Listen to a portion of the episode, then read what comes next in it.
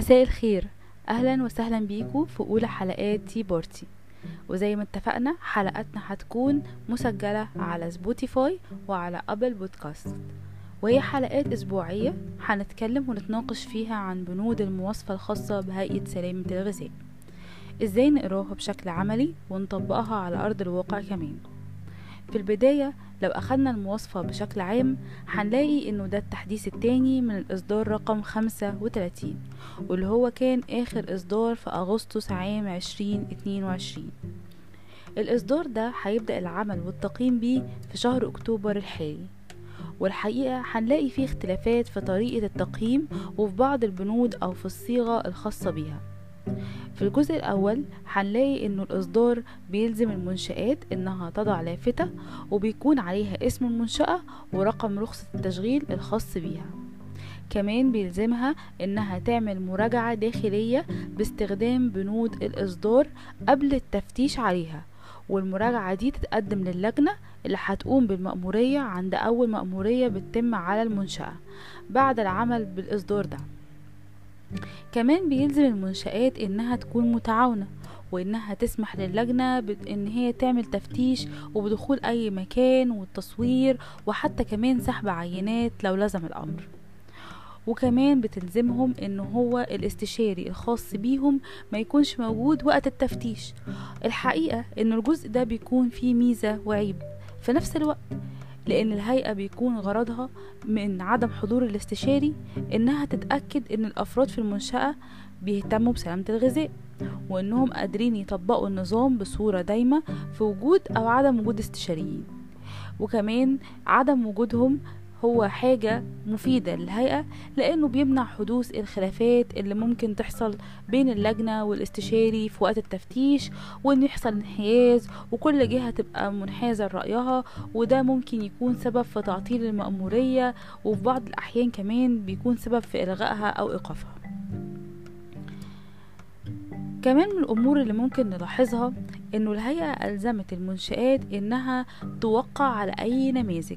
ممكن الهيئة تقدمها في وقت التقييم أو في آخر أو في آخر المأمورية. والحقيقة في رأيي المتواضع إن ده بيكون سلاح ذو حدين. من جهة هو ضمان للجنة إنها تلزم المنشأة بنقاط عدم المطابقة وإنهم يكونوا معترفين بيها بصورة رسمية. وفي نفس الوقت هو ظلم للمؤسسات إنه ممكن يكون في سبب منطقي تقدمه للجنة. لكن الوقت بيكون مثلا فات أو إن اللجنة ممكن ترفض ترجع تشوف المشكلة من وجهة نظر المؤسسة والظروف الخاصة بيها. لكن في كل الأحوال في خانة بتضمن ان المنشأة ترد على النقاط دي وتشرحها للمراجعة مرة تانية لعل إن الهيئة ترجع في قرارها. من الأجزاء الجديدة كمان واللي ما كانتش موجودة في نقاط التقييم هي الأجزاء A, B, C, D, E. النقط دي كل منها بتعبر عن تقييم مستقل بحد ذاته. يعني إيه؟ يعني النقاط مثلا A و B بتعبر إنه بيتم آه إنها بيتم استخدامها في وقت حدوث تصنيع وبتكون المنشأة فيها مستوفية لجميع الشروط. لكن في نقطة H مستوفية جزئيا ونقطة I غير مستوفية؟ لو أنا في حالة ال A. أو في حالة ال B يكون في نقطة برضو H مستوفية جزئيا لكن ملاحظتين من I غير مستوفيين. النقطة بقى سي بتعبر عن إن المأمورية تمت لكن مفيش تصنيع كان بيحصل في الوقت ده. وده بيكون غالبا في المصانع اللي بتكون موسمية وبتشتغل في مواسم معينة زي مصانع لها علاقة بالخضروات أو بفاكهة وبالنوع ده من الإنتاج. النقطة بقى دي بتعبر عن عدم تحقيق نسب الاستيفاء أو إتمام المأمورية إن المأمورية يعني تمت لكن في إجراء اتاخد وفي بنود غير مستوفية. بس البنود دي ما بتأثرش على سلامة الغذاء بشكل مباشر. زي البنود مثلا خاصة بالنقاط I أو بالنقاط N. أخيرا النقطة بقى E E واللي بتعبر عن إلغاء المأمورية. والغاء المأمورية ده بيكون نتيجة إن حصل مشكلة أو في بنود غير مستوفية والبنود دي هي بنود H بتأثر على سلامة الغذاء بشكل مباشر. كالعادة بيكون في جزئين من التقييم للبنود N و I و H. الجزء الأول بيكون في حالة الجولة الميدانية والجزء التاني بيكون في حالة المستندات الخاصة بالمنشأة.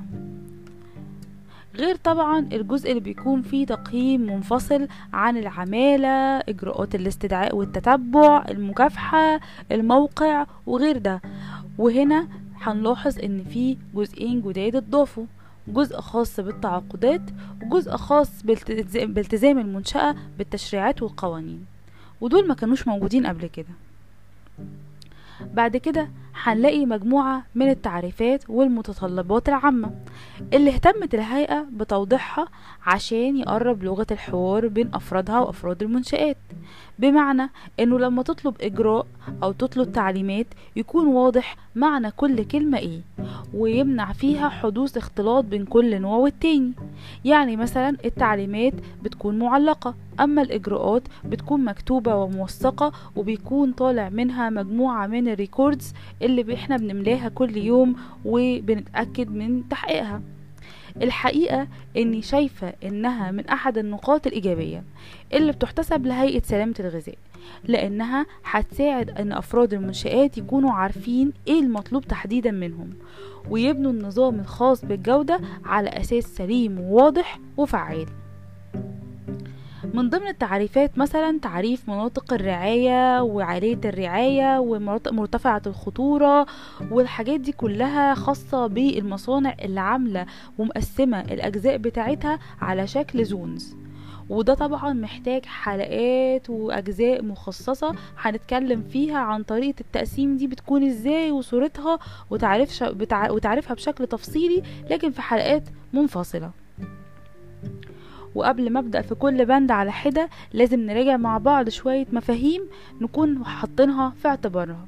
اولا لازم نراجع إن قائمة فحص المصانع الخاصة بهيئة سلامة الغذاء بتشمل مجموعة من النقط. قائمة A اللي بتشمل الألبان ومنتجاتها قائمة B اللي بتشمل الخضروات والفواكه.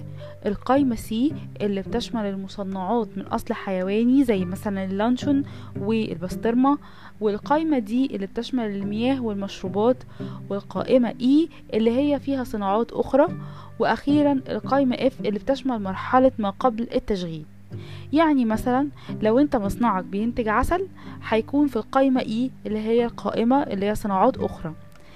لو مصنعك بينتج مركزات مثلا فهو في القائمة بي لأن المركزات دي بتكون من خضروات أو من فاكهة والأنواع دي.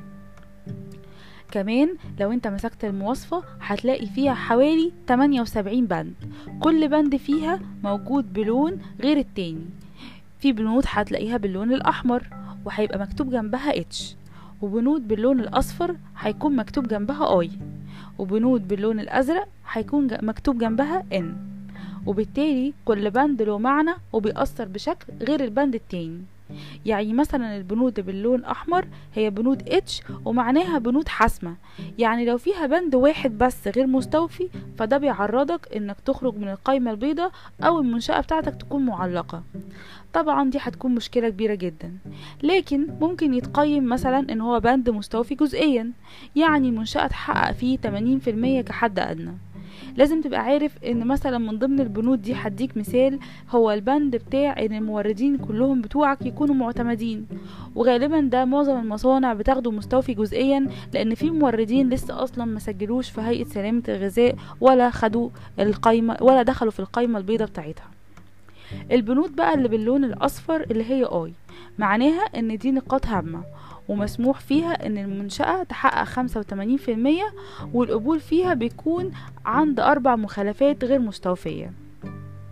وأخيرا البنود اللي باللون الأزرق ودي البنود ان اللي هي نقاط ضرورية. لازم المنشأة برضو تحد تحقق فيها 80% بس بيكون فيها مسموح مخالفات لحد خمس مخالفات. طبعا مش مش عايز مش محتاجة أفكرك إن التقييم ده بيكون على الجولة الميدانية والمستندات مع بعض. لكن لازم تاخد في اعتبارك إن كل تقييم لكل جزء بيكون على حدة. يعني المستندات بيكون ليها ان و اتش و اي والجولة الميدانية بيكون ليها ان و اتش اي وبعدين بيتم جمعهم بمعادلات معينة عشان تطلع النتيجة بصورة مجمعة. النهاردة حلقتي خلصت الأسبوع ده وأتمنى إن هي تكون حلقة خفيفة وسهلة وبسيطة. ونكون رسمنا صورة البداية مع بعض بشكل لطيف يساعدنا نستوعب الصورة الكاملة لشكل المواصفة. نصيحتي ليكوا الأسبوع ده هو خليك متطلب خليك شغوف وحب العلم وقدره وقرب من أبوابه أكتر. صدقني هتلاقي نفسك وروحك أحسن. الدنيا مفيهاش شخص ذكي وشخص غبي لكن فيها أشخاص كسولين وأشخاص مجتهدين.